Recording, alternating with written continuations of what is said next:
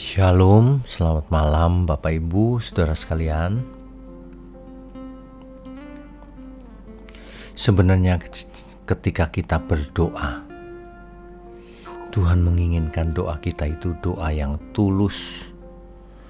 Bukan doa yang dibuat-buat, bukan doa yang sengaja dengan kalimat yang bagus-bagus,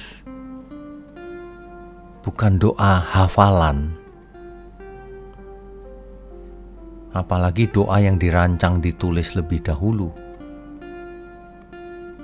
Seperti kita bicara dengan orang tua kita. Bagaimana bicaranya? Wajar kan? Tulus. Nah, demikianlah seharusnya doa kita kepada Tuhan. Kepada Bapa di surga. Doa seorang anak, bicara seorang anak kepada bapaknya jadi harus apa adanya saja, saudara. Jangan berpikir keras seperti mau membuat puisi atau apa gitu.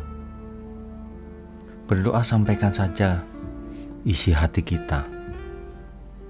Berdoa juga bukan cuma permintaan. Setiap menghadap berdoa minta melulu. Berdoa itu curahan hati, dialog, semuanya yang tulus. Misalnya ketika malam seperti ini, kita berdoa, Tuhan, hari berganti hari, waktu berjalan begitu cepat. Aku serasa ketinggalan Tuhan, tapi aku mau belajar keras. Aku mau bertobat, tidak hanya menyesal, Mohon bimbingan dari Tuhan, mohon bimbingan Roh Kudus. Bapa di surga, ampuni kalau ada yang dalam hidupku yang masih tidak tidak berkenan bagi Bapa atau masih ada karakter atau sifatku yang masih buruk. Ampuni, aku akan belajar untuk memperbaiki diri untuk bertobat, untuk menyembahmu dalam roh dan kebenaran. Bapak Ibu sekalian, doa itu memang harus tulus, kalau tidak kan bukan doa namanya. Seperti mantra begitu.